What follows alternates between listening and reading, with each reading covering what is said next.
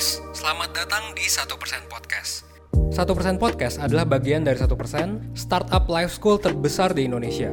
Dalam podcast ini kita bakal ngebahas topik-topik seputar kesehatan mental, pengembangan diri, serta edukasi life skills dengan tamu yang handal di bidangnya.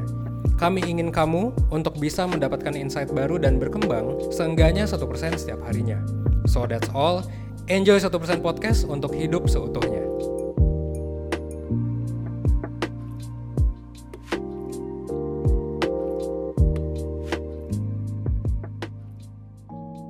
Halo personers, balik lagi di satu persen podcast kali ini bareng sama aku Vika sebagai host podcast kalian hari ini. Anyway, hari ini kita akan ngebahas seputar relationship lebih ke general. Tentu saja kali ini aku nggak sendiri karena hari ini aku ditemenin sama salah satu psikologi dari Clarity Psychology Center. Ada Kak Imelda di sini. Halo Kak Imelda. Halo Vika. Nah, boleh banget nih kakak ke perkenalin diri dulu jadi biar teman-teman personals yang lain bisa lebih kenal nih sama kakak. Oke, halo teman-teman. Uh, perkenalkan, nama saya Imelda Konghuiro. Um, saya salah satu psikolog dari uh, Clarity uh, Psychology. Uh, memang uh, saya lebih banyak menangani kasus-kasus yang memang lebih ke klinis dewasa sih, gitu Vika. Oh oke okay, kak, gimana kak hari ini kegiatannya di hari Jumat yang cerah ini lancar ya kak semuanya? Ya lancar sih, uh, bersiap-siap uh, untuk uh, menghadapi besok kan weekend ya, jadi ya, ya. happy day. oke, okay. nah kak uh, seperti yang tadi udah aku mention nih di awal, jadi kita hari ini akan ngebahas seputar uh, relationship in general way. Nah uh, kalau ngomongin soal relationship itu kan kayak luas banget gitu ya kak cakupannya. Ada yang berhubungan sama pasangan ada yang keluarga dan orang tua terus ada juga mungkin ke lingkungan teman. Nah di sini kita akan lebih ngebahas soal uh, gimana sih cara kita membangun sebuah hubungan yang sehat secara luas. Kalau hmm. ngomongin soal hubungan yang sehat kan pasti erat banget tuh kak kaitannya sama toxic relationship atau hubungan yang beracun lah istilahnya kayak gitu. Nah kalau dari aku sendiri tuh banyak banget gitu kak aku ngelihat fenomena-fenomena di sekitar aku yang uh, relation apa relationshipnya itu toxic. Contoh uh, mungkin aku pun kayak dulu pernah ya kak ngalamin sendiri yang namanya toxic parents mungkin karena aku sedikit agak dipaksa nih untuk bisa memenuhi keinginan orang tuaku untuk jadi dokter dan menurutku itu kayak menjadi beban sendiri buat aku. Mm-hmm. Terus mungkin dari teman-teman aku yang mengalami toxic relationship sama pasangannya nih kak, misal kayak pacarnya abusive kayak gitu-gitu. Iya, oke. Okay. Sebenarnya toxic relationship itu yang kayak gimana sih kak? Uh, maksudnya in general way-nya itu uh, apa hubungan yang beracun itu kayak gimana kak? Kalau menurut kakak?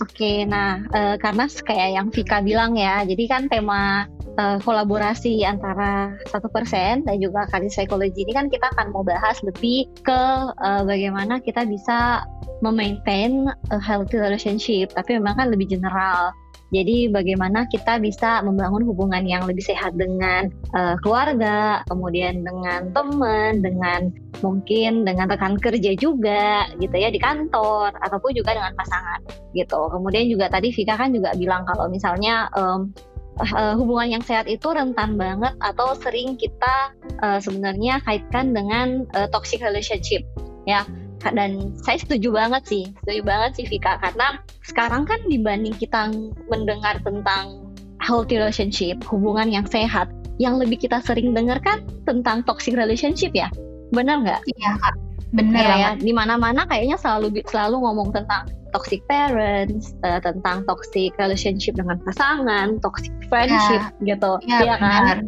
Uh, uh, gitu. Jadi memang ketika kita mau membahas tentang bagaimana kita bisa mempertahankan hubungan yang sehat dengan orang lain ya awalnya pasti kita harus bahas dulu, kita harus tahu dulu gitu apa sih yang namanya toxic relationship atau yang tadi Vika bilang uh, bahasa Indonesia-nya itu agak ini ya hubungan yang beracun gitu.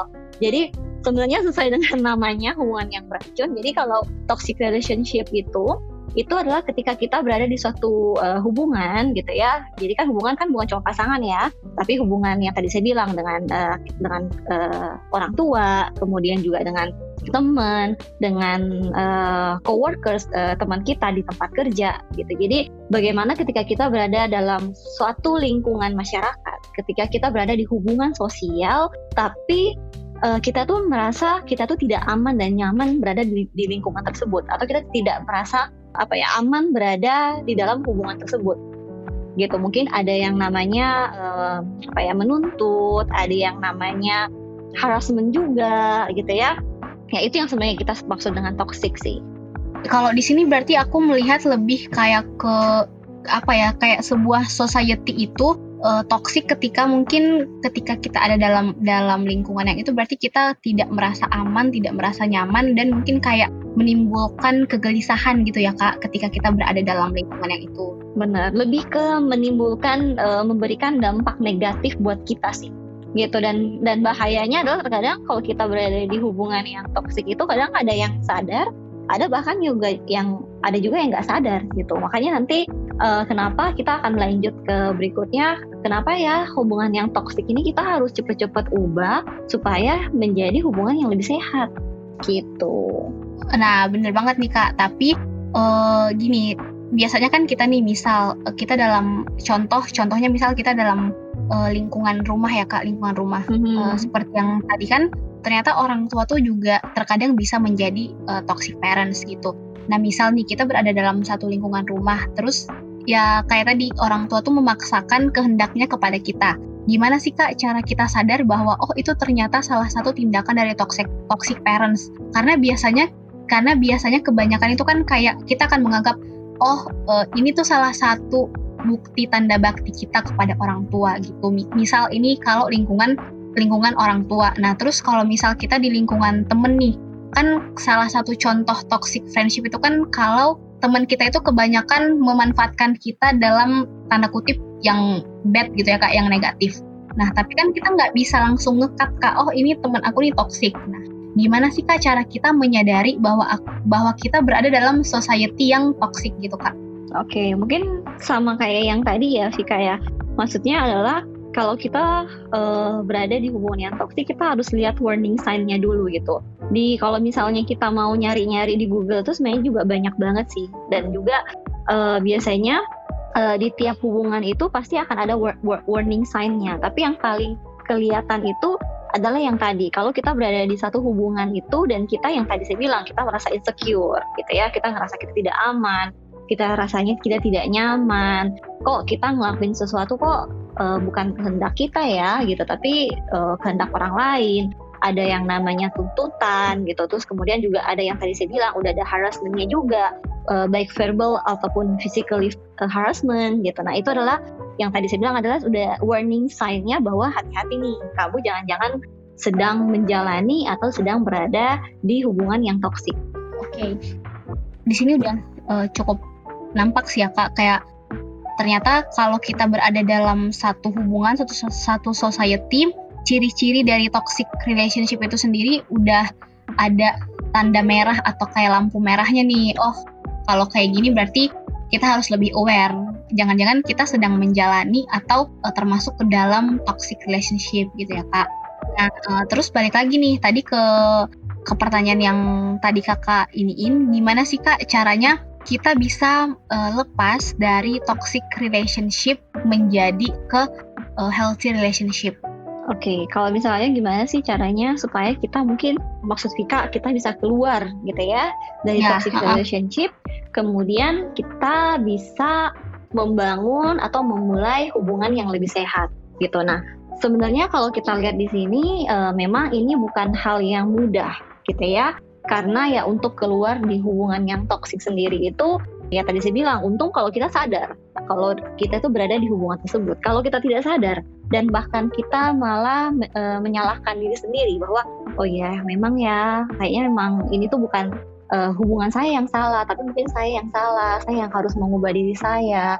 Saya ini yang begini saya ini yang begini gitu. Nah itu kan yang bahaya ya gitu. Kalau kecuali kamu udah sadar kamu udah tahu warning sign-nya yang tadi saya bilang, maka kamu udah kamu akan uh, paham dan langsung apa ya, langsung menyadari bahwa oke, okay, ini ada sesuatu hal yang sudah tidak baik nih. Gitu walaupun it's not easy, tapi ya saya mau coba untuk merubah keadaan itu menjadi lebih baik gitu. Nah, kalau uh, yang perlu saya sampaikan di sini adalah uh, ketika kita mau mengubah hubungan kita, yang paling penting itu adalah sebenarnya kita mulai dari diri kita sendiri gitu. Jadi bukan uh, kita kita maunya kita mau mengubah hubungan kita dan kita me me berharap bahwa kita bisa me mengubah orang lain. Gitu ya contoh deh gitu. Kamu ada di toxic relationship kamu dengan uh, parents dengan orang tua kamu. Terus kamu minta kayak ah saya mau supaya orang tua saya itu berubah. Saya mau orang tua saya itu lebih mengerti saya. Saya mau orang tua itu apa tidak memaksakan kehendaknya dia. Saya mau orang tua saya itu berubah gitu. Nah itu tidak mungkin sih kak. Oh, oke okay, kak. Gitu. Jadi kalau kita mau mengubah uh, hubungan kita menjadi lebih baik itu tuh harus selalu dimulai dari diri kita sendiri dulu. Gitu. Bagaimana kita belajar untuk uh, compromise dengan hubungan tersebut. Bagaimana caranya kita belajar untuk beradaptasi, menyesuaikan diri. Bagaimana kita perlu untuk lebih mengenali diri kita dulu gitu. Jadi walaupun kita berada di hubungan yang toksik, kita tahu bahwa ini tuh bukan salah saya gitu. Tapi memang ini keadaan yang tidak bisa saya ubah dan juga saya harus cari cara nih untuk strategi at least walaupun saya berada di hubungan yang toksik, saya tetap bisa untuk bangkit gitu ya, untuk tetap bisa meraih mimpi-mimpi saya gitu. Atau misalnya kamu berada di hubungan yang toksik dengan pasangan ya kamu bisa untuk bagaimana caranya kamu kuat untuk nyelesain atau memang menyudahi hubungan kamu dengan pasangan kamu gitu. Dan juga cara yang paling gampang untuk uh, mengubah hubungan kita menjadi lebih sehat adalah kita harus mulai dari diri kita sendiri dulu gitu. Makanya saya sempat baca satu artikel yang cukup bagus gitu ya. Dia bilangnya cara buat kita keluar dari toxic relationship dan mengubah itu menjadi hubungan yang lebih sehat itu sebenarnya kayak ini loh kita ngelihat ada ada tanaman gitu ya misalnya apa ya bunga matahari lah gitu ya di dekat rumah kita di pekarangan rumah kita kemudian dia itu udah mulai layu gitu. Nah kalau kita selalu punya mindset bahwa ah nanti ini kan bukan tanaman saya gitu walaupun ada di rumah saya tapi bukan tanggung jawab saya untuk yang nyiram gitu ya untuk merawat ah tunggu deh orang lain deh gitu. Nah dibanding kita berpikir seperti itu, kenapa nggak kita duluan yang kita coba untuk kita yang uh, siremin gitu ya, kita ya coba rawat bunga mataharinya itu gitu. Orang lain juga kalau ngelihat kita punya keinginan untuk mengubah sesuatu kan pasti mereka akan oh yang uh, si A udah mulai nyirem nih ah ikut dong buat nyirem ikut juga buat merawat kayak gitu. Hmm, oke okay, kak. Berarti di sini kata kuncinya uh, untuk membangun sebuah healthy relationship itu kita memulai dari hal terkecil yaitu uh, memperbaiki diri dan selalu uh, memulai dari diri sendiri gitu ya kak. Mm-mm, mulai dari sendiri karena kebanyakan adalah orang-orang yang berada di dalam uh, hubungan yang toksik gitu ya dengan siapa aja gitu itu biasanya mereka punya mindset untuk uh, mereka mau mengubah orang lain gitu. Misalnya orang ya, orang tuanya yang toksik. Iya, ya kan orang tuanya yang toksik.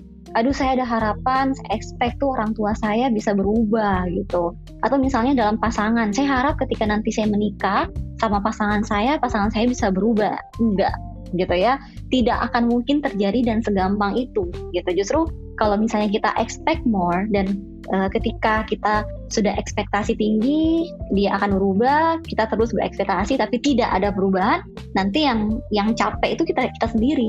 Ya benar banget kak karena kecil kemungkinan orang itu akan berubah gitu kan kak. Ya benar. Kita tidak tidak akan bisa mengontrol orang lain sih. Itu yang selalu saya sampaikan ke uh, klien ke mungkin juga orang sekitar saya bahwa satu hal gitu kita tidak bisa akan kita tidak bisa mengontrol omongan kita tidak bisa mengontrol respon ataupun tindakan orang lain gitu. Tapi yang bisa kita lakukan adalah ya kita kontrol diri kita sendiri, apa yang kita mau dengar, apa yang kita mau lakukan, apa yang kita mau terima, yaitu diri kita. Ya, bener banget Kak. Aku setuju banget sih sama itu. Uh, tapi nih Kak, ngomongin soal soal healthy relationship, re relasi yang sehat, hubungan yang sehat, mm -hmm. itu seperti apa sih Kak? Apakah hubungan yang sehat itu adalah hubungan yang jarang berantem atau hubungan yang lebih banyak eh, bahagia ketimbang stresnya. Nah, kalau dari kakak sendiri sebenarnya relasi yang sehat, hubungan yang sehat itu yang seperti apa kak? Oke, okay, healthy relationship atau kita bilang uh, sama kayak positive relationship ya, Vika ya. Jadi sebenarnya positive relationship atau healthy relationship itu tidak tidak selalu sama gitu ya. Maksudnya kayak oh karena healthy relationship, positive relationship berarti kalau kita uh, menjalin hubungan orang lain itu pokoknya harus seneng-senengnya aja gitu ya. Semuanya yang di up terus ya berada di atas gitu. Nggak pernah ada di bawah atau nggak pernah berantem nggak pernah uh, bertengkar gitu. Enggak. Tapi sebenarnya uh, positive relationship ini atau healthy relationship ini di setiap hubungan itu berbeda-beda. Karena kan tiap orang dalam menjalin hubungan kan juga pasti berbeda-beda. Pasti unik gitu ya. Unik kan pastinya kan gitu. Dan juga pasti ya tiap hubungan itu pasti akan ada up and down-nya, pasti akan ada ya kayak roller coaster lah gitu ya. Terkadang kita di ada di atas, terkadang kita juga mungkin uh, ada di apa di bawah juga. Tapi positif uh, relationship atau healthy relationship itu adalah ketika kalian berada di satu hubungan gitu ya, hubungan yang sehat, apa pun keadaannya, apa pun situasinya, tapi kalian bisa selalu mencari uh, solusi gitu ya kemudian juga kalian bisa kalau kayak toxic kalian nggak ngerasa nggak aman nggak nyaman kalau yang di sini ya apa pun keadaannya mau up or down ya kamu bisa nyaman gitu. Ada pertengkaran ada perselisihan kalian tahu gimana caranya buat uh, nyelesain gitu. Kemudian juga tidak ada yang saling menuntut juga gitu. Kamu ngerasa kamu secure banget di hubungan ini gitu sih. Uh, iya kak. Aku setuju banget sih sama yang kakak bilang tadi Soalnya aku juga beberapa kali nonton kayak video YouTube gitu. Di situ tuh videonya bilang bahwa ternyata kalau hubungan yang sehat itu ada sign 4S, ada tanda 4S. Yang pertama itu kita ngerasa safety, uh, terus secure, mm-hmm. tin dan gitu kan Kak. Jadi kita ngerasa aman, terus secara konsisten kita merasa aman berada di dekat pasangan kita, terus kita saling mengerti nih satu sama lain bahwa oh uh, pasangan saya orangnya seperti ini, saya orangnya seperti ini. Terus masing-masing dari kita saling mengerti. Terus yang terakhir yaitu ternyata kalau kita berada di satu hubungan yang sehat, kita akan uh, of course merasa nyaman sama hubungan itu. Benar sekali gitu. Jadi bukan sebenarnya bukan kondisi yang terjadi uh, di hubungan tersebut sih, tapi lebih ke personnya, orang-orang yang berada dalam hubungan tersebut gitu apakah memang dia ngerasa kayak dia happy gitu ya, dia enjoy, well-beingnya juga meningkat gitu sih. Gitu ya berarti kak tuh teman-teman listeners berarti quality relationship itu bukan yang selalu ketawa-ketawa gitu ya kak, tapi ketika ada masalah atau dalam satu kesulitan kita bisa nih uh, nemuin uh, jalan keluarnya. Jadi apa ya kayak selalu bisa keluar dari masalah dengan uh, mungkin tidak bertengkar gitu-gitu. Bertengkar sih sebenarnya nggak apa-apa ya Vika ya. Tapi uh, maksudnya ada ada apa ya ada solusi gitu. Ada solusi gitu. Jadi maksudnya ada solusi ada na yang namanya uh, toleransi ada namanya kompromis berkompromi gitu. Maksudnya ketika kamu berantem atau misalnya berselisih baik dengan pasangan ataupun mungkin dengan uh, saudara kamu gitu ya atau dengan orang tua ad, pasti akan ada solusi gitu. Ah gimana ya supaya ini ada masalah nih? Yuk kita cari solusinya apa ya gitu. Nah selama kalian uh, ada solusi gitu kemudian juga kalian juga bisa uh, kompromis juga. Kompromis itu maksudnya ketika memang mungkin pasangan kita ada ada kekurangan kan semua kan pasti ada kekurangan ya. Dan kita bisa kompromis kita bisa toleransi dengan hal tersebut ya ya ya you go ahead gitu ya nggak apa-apa gitu. Tapi kalau misalnya kita tidak bisa toleransi kita nggak bisa kompromis kita dituntut gitu untuk kita harus yang selalu mungkin mengalah, yang harus selalu dengerin doang atau apa. Nah, itu kan yang tadi tadi saya bilang kan ya udah udah masuk ke toxic relationship itu sendiri. Hmm, ya, gitu. Kak. Jadi ada warning sign-nya lah gitu. Oke, okay. uh, eh, nah kak, terus kalau misalnya nih kita berada dalam satu lingkungan, dalam satu society, dalam satu uh, hubungan, kira-kira ciri-ciri bahwa uh, kita termasuk dalam hubungan yang sehat nih kak kan kalau dari tadi kan ada nih kak sign apa kayak lampu merahnya nih tanda-tanda bahwa kita berada dalam toxic relationship nah kalau untuk healthy relationship sendiri kira-kira ada nggak gitu kak tanda-tandanya bahwa wah Anda harus senang nih, kamu harus senang karena ternyata hubungan yang kamu jalani, lingkungan di mana kamu berada sangat sehat nih. Kira-kira apa kak? Oke, okay. nah kalau kayak gitu sih uh, ciri-cirinya mungkin kurang lebih kita sudah sampaikan tadi ya. Bahkan tadi Vika udah udah kasih itu juga ya empat empat S itu kan. You you feel safety, secure, uh, terus satu lagi apa tadi sama seen and seen dan suit. Nah itu kan, itu kan sebenarnya juga salah satu ciri bahwa kamu sebenarnya berada dalam hubungan yang positif atau hubungan yang healthy gitu. Tapi selain itu juga yang tadi saya bilang maintain our healthy relationship itu tuh pasti akan ada disagreement. Jadi maksudnya pasti akan ada pertengkaran, tapi ya kita tidak tidak takut untuk memang uh, ada selalu ada solusi.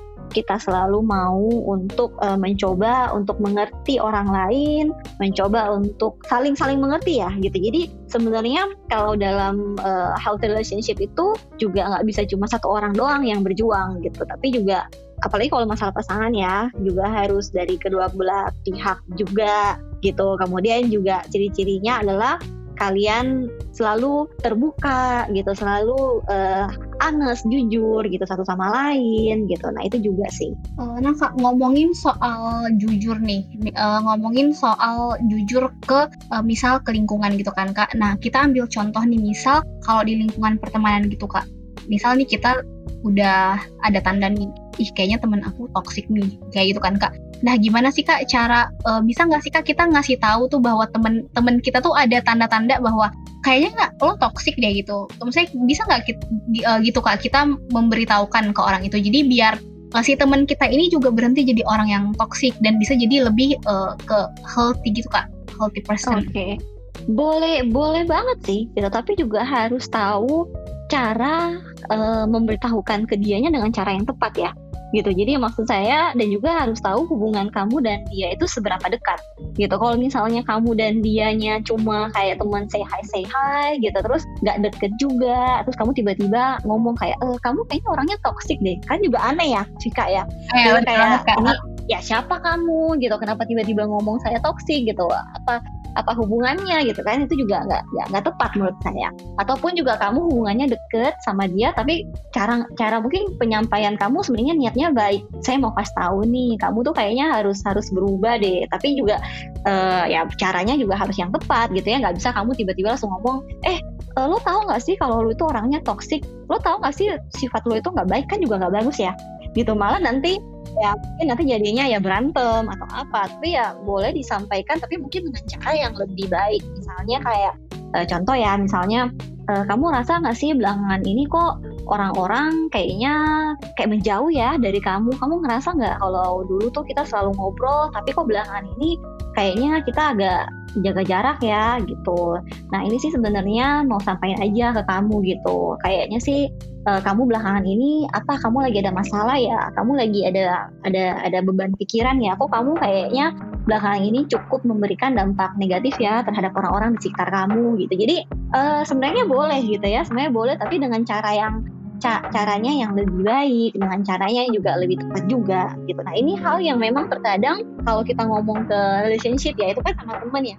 Terkadang juga ini akhirnya muncul ke hubungan kita dengan orang tua. Terkadang orang tua itu sebenarnya niatnya baik ke kita, tapi cara penyampaiannya mereka yang mungkin zamannya dengan kita berbeda atau mungkin cara penyampaiannya yang tidak sesuai dengan apa ya dengan sesuatu hal yang kita terima akhirnya jatuhnya ke kita itu kayak aduh orang tua saya kok toksik banget sih?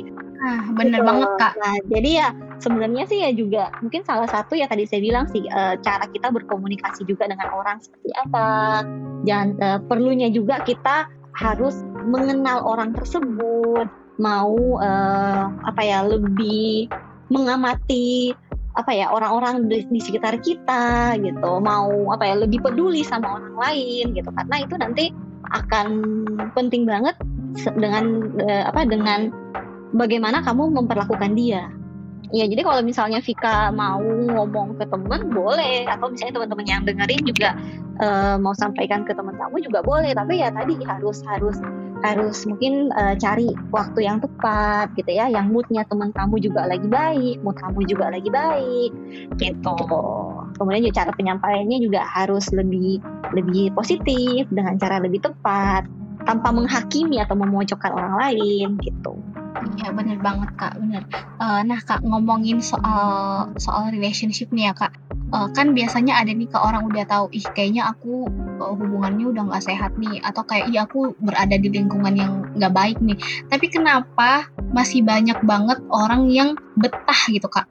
Ada sih kayak beberapa tuh alasannya kayak hmm, susah nyari temen yang kayak gitu, atau kayak misalnya sama orang tua tapi kan dia orang tua aku nggak mungkin aku ngebantah lalalali gitu kan. Takutnya jadi anak durhaka. Atau misal ke pacar nih tapi kan sayang eh, hubungannya udah jalan lima tahun udah lama sayang kenangannya. Nah kenapa sih kak banyak uh, orang yang bertahan di lingkungan yang toksik hubungan yang toksik hanya dengan alasan-alasan seperti itu kak Hmm, oke. Okay.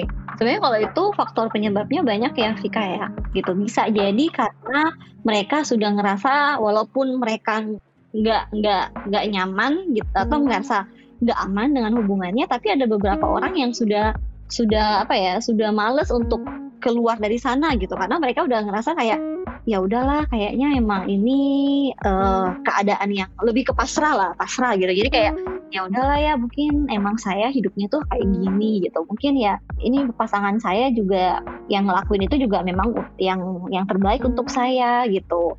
Ya kan ada yang kayak gitu. Ada yang mungkin mencoba untuk uh, di, uh, denial atau mencoba untuk kayak uh, ah enggak ah pasangan saya biasa aja.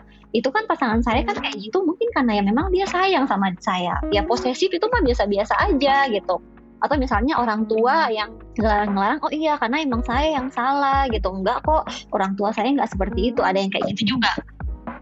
Gitu kan? Ada juga yang mungkin cenderung ya mungkin sudah sudah apa ya sudah mungkin sudah males untuk mencoba untuk memperbaiki hubungannya kemudian harus mulai hubungan juga dari awal. Kan banyak kayak gitu kan. Banyak yang orang-orang terutama di pasangan. Banyak yang uh, dia itu dengan pasangannya punya hubungan yang toksik tapi dia nggak berani untuk menyudahinya itu karena dia bilangnya aduh saya males lagi ya untuk uh, mulai dari awal lagi gitu dengan orang yang baru pengenalan lagi gitu ya penjajakan lagi gitu. Ada orang juga seperti itu gitu. Ada juga orang yang yang tadi mungkin dia tidak sadar bahwa dia sebenarnya berada di hubungan yang toksik dan dia nggak tahu gitu betapa berbahayanya kalau misalnya dia terus mempertahankan hubungan tersebut gitu. Makanya nanti mungkin kita juga bahas uh, Vika kenapa penting sekali untuk kita membangun hubungan yang sehat dengan our society gitu.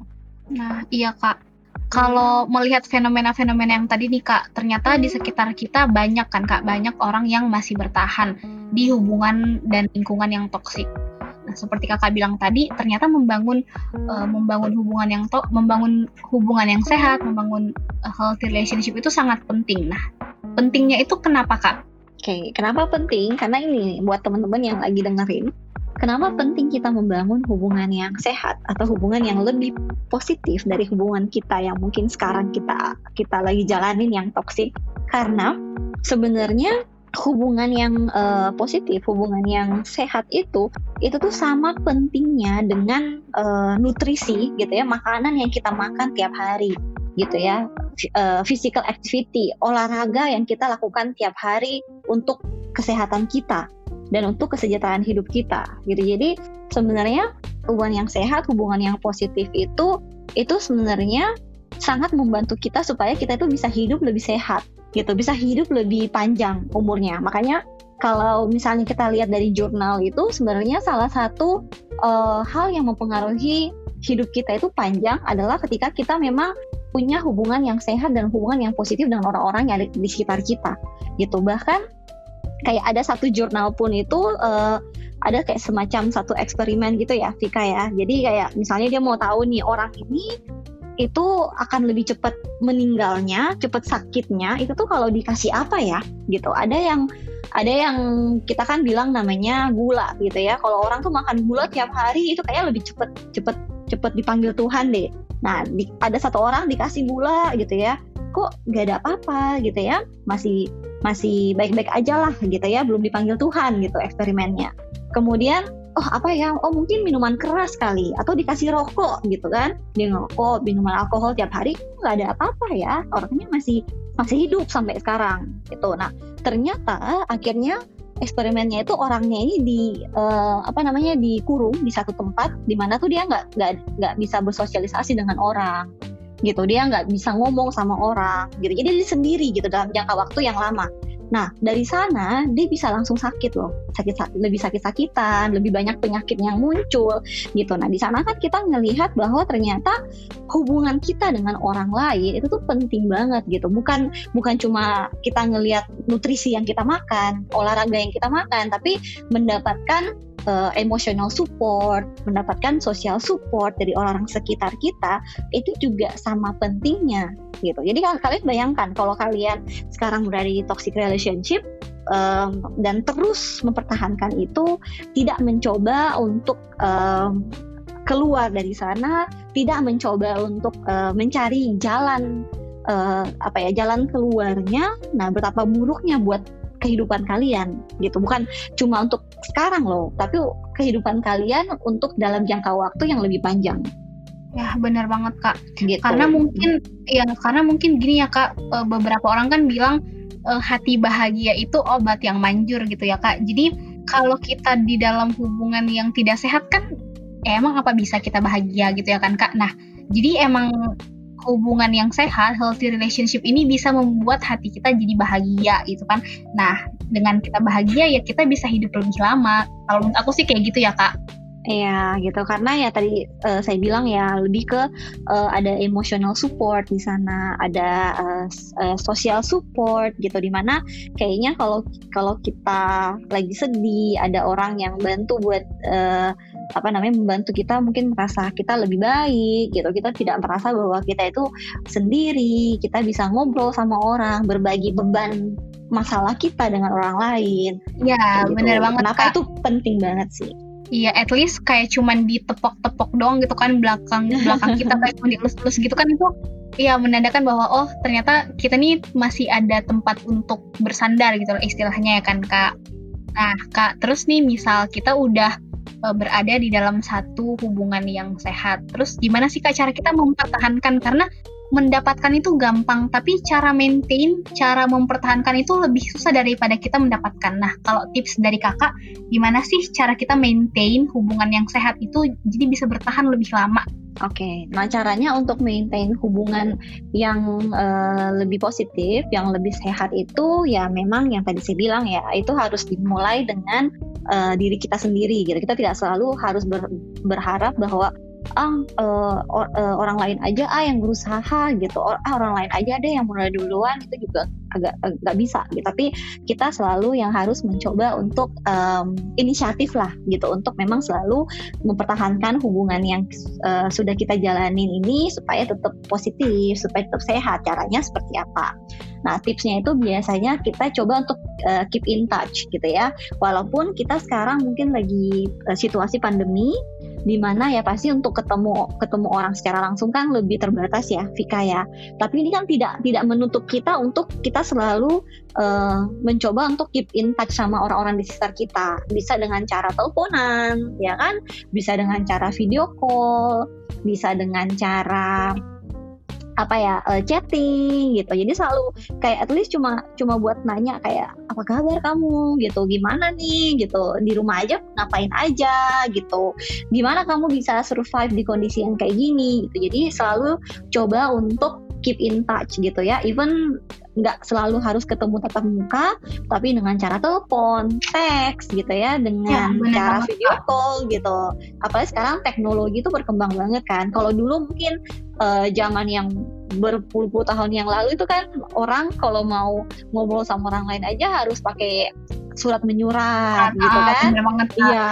Kalau sekarang kan kayak teknologi itu membuat hidup kita tuh lebih easier gitu. Jadi ya ya gunakan teknologi dengan sebaik mungkin gitu untuk selalu uh, keep in touch dengan orang-orang uh, yang memang orang-orang terdekat kita, baik mungkin dengan orang tua, walaupun mungkin kita tinggalnya berjauhan dari orang tua, kita mungkin bisa telepon, tanya kabar, ataupun dengan teman, gitu, dengan sahabat, nah itu boleh tuh keep in touch gitu. Kemudian juga yang berikutnya adalah perlu untuk membuat uh, quality time. Nah, jadi quality time ini bukan cuma sama pasangan juga ya, eh, bukan cuma sama dengan pasangan ya, Vika, tapi juga uh, perlu ada yang namanya quality time juga dengan misalnya orang tua. Misalnya kita dari dari Senin sampai Jumat udah sibuk kerja gitu ya kerja terus gitu. Nah, mungkin di waktu weekend gitu ya bisa ngajak orang tua buat makan bareng gitu. Atau misalnya uh, ya mungkin bioskop di Jakarta belum belum buka ya. Mungkin bisa nonton film di rumah gitu.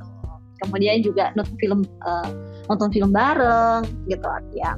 Kemudian atau misalnya um, ngajak hangout teman-teman gitu um, ya mungkin ngajak teman-teman buat datang ke rumah kemudian ceritain tentang uh, apa ya uh, jadi uh, jadi memang selalu coba untuk menciptakan quality, quality time sih gitu. Jadi misalnya kalau memang lagi bareng-bareng sama temen ya kalau bisa ya jangan pegang-pegang HP gitu ya. Jadi memang benar-benar fokus dengan dengan apa tanya kabar mereka gitu untuk tahu mereka lagi lebih lanjut lebih lanjut gitu. Nah itu kemudian juga um, caranya untuk maintain itu adalah selain uh, ini kita harus ini sih harus belajar untuk mendengar gitu. Jadi kita perlu belajar untuk selain kita banyak ngomong gitu ya mungkin kita perlu uh, lebih banyak mendengarkan orang lain gitu ya. Kemudian juga um, selalu coba untuk uh, tahu kondisi orang lain dan tawarkan bantuan. Kalau misalnya memang mereka lagi sulit, mereka di masa-masa yang sulit, sampaikan, uh, tunjukkan kita peduli dengan mereka, kita empati dengan mereka. Kalau misalnya uh, mungkin ada ada uh, event-event yang spesial mungkin teman kita ulang tahun ya mungkin bisa diingat buat dikasih selamat ulang tahun gitu. Jadi orang lain juga merasa bahwa oh ya dia ingat ya sama saya ya gitu. Maksudnya oh saya merasa dipedulikan juga ya gitu. Dan juga yang pasti adalah uh, harus belajar untuk open up dan juga honest gitu ya. Harus jujur satu sama yang lain. Kalau misalnya lagi uh, ada masalah daripada dipendam disimpan ya lebih baik uh, disampaikan ke pasangan gitu misalnya ke teman gitu ya tapi dengan cara yang yang tepat juga gitu seperti yang tadi kita bahas sebelumnya. Hmm, oke. Okay. uh, dari dari tadi ini kita ngomongin healthy relationship aku juga udah kayak dapet insight yang banyak banget gitu ya kak. Nah sekarang kita udah sampai nih ke terakhir yaitu healthy relationship ini kenapa sangat penting gitu ya teman-teman. Di sini uh, aku pengen menggarisbawahi beberapa uh, dari obrolan aku sama Kak Imelda tadi. Jadi healthy relationship itu mungkin berbeda-beda di setiap hubungan. Nah, uh, healthy relationship ini tuh lebih ke apa ya? Gimana satu gimana satu kondisi uh, satu hubungan ketika berada dalam satu masalah. Nah, kita bisa nih menemukan uh, kita selalu bisa menemukan dan mencari jalan keluar bersama. Nah, terus uh, Kenapa sih hubungan yang sehat, hubungan yang positif itu penting? Karena seperti asupan gizi, kata Kak Imelda tadi, nah dengan asupan gizi yang baik bisa membantu kita untuk hidup yang lebih sehat dan bisa membantu kita untuk hidup lebih lama. Nah, uh, terus mungkin kalau kita mau memulai suatu hubungan yang sehat dan positif itu harus selalu dimulai dari diri kita dulu nih personers jadi jangan mulai dari diri orang lain dulu kita dulu nih, kita yang harus memulai itu semua. Nah, cara maintain uh, biar healthy relationship ini uh, konsisten seperti yang tadi udah dijelaskan sama Kak Imelda, yang pertama yaitu selalu selalu memulai dari diri kita sendiri. Terus uh, yang kedua, kita harus selalu keep in touch nih sama temen, sama keluarga. Meskipun kita dalam satu rumah ya kita tetap harus uh, keep in touch lah. Misal kayak uh, sekedar nanya mah mau makan apa hari ini kayak gitu-gitu. Nah, terus selalu menyiapkan waktu untuk teman, keluarga, dan pasangan. Jadi harus ada quality time ya, jangan kayak kerja terus gitu. Nah, terus uh, yang menurut aku penting juga yaitu salah satunya menjadi pendengar yang baik. Jangan kita terus nih yang mau didengerin ceritanya. Sekali-sekali kita juga harus uh, menjadi pendengar yang baik untuk teman kita, untuk saudara, untuk keluarga kita, dan tentu untuk pasangan kita. Nah, yang terakhir yaitu tunjukkanlah perhatian kamu dan kepedulian kamu uh, kepada lingkungan kamu, entah teman, keluarga, dan pasangan kamu. Nah, dari Kak Imelda sendiri mungkin ada tambahan? Hmm, yang paling yang terakhir tips untuk maintainnya itu adalah uh, open up dan juga be honest gitu ya. Karena kan ya pasti setiap hubungan kamu mau dengan keluarga dengan orang tua dengan pasangan ataupun uh, dengan orang lain orang terdekat kita itu kan pasti selalu ada mungkin perselisihan ada mungkin rasa nggak enak. Tapi belajarlah untuk uh, memang uh, menyampaikan terbuka dengan apa yang kamu rasakan apa yang kamu pikirkan. Jangan jangan uh, apa ya jangan dipendam gitu. Karena terkadang kan ada hubungan ya udah daripada ribut ya udah deh saya diem aja gitu di dipendam aja gitu. Tapi nanti kalau misalnya ada ada satu triggernya lagi gitu pemicunya eh marahnya lebih gede daripada yang sebelumnya kan. Gitu. Jadi selalu open up jangan juga di di honest juga belajar untuk jujur dengan apa yang kamu rasakan kamu sampaikan tapi ya dengan cara ya juga e, cara yang lebih tepat gitu kayak yang tadi e, sudah saya sampaikan sebelumnya ya Vika ya. Iya kak Nah, gitu ya teman-teman personers. Jadi setelah dengar podcast ini, uh, kita, aku sama Kak Imelda nih berharap banget jangan lagi ada teman-teman yang terjebak sama lingkungan yang gak sehat, sama uh, toxic relationship. Jadi kalau teman-teman personers dengar podcast ini, semuanya harus bisa uh, berubah nih dari toxic ke healthy relationship. Oke, okay, segitu dulu aja nih dari aku sama Kak Imelda. Untuk teman-teman personers, sekarang podcast di satu persen udah bisa didengar di uh, Google Podcast, di Spotify dan Apple Podcast. Nah, untuk teman-teman yang penasaran sama apa aja produk dari satu persen, boleh banget cek di website satu persen.net. Di situ teman-teman bisa lihat apa aja produk-produk satu persen. Nah, bisa juga cek ke official Instagram satu persen yaitu satu persen official. Nah, uh, dari aku sama Kak Imelda pamit undur diri. Uh, have a nice day semua teman-teman. Ya, thank you. Thank you Vika. Thank you Kak. Ya, thank you juga buat teman-teman.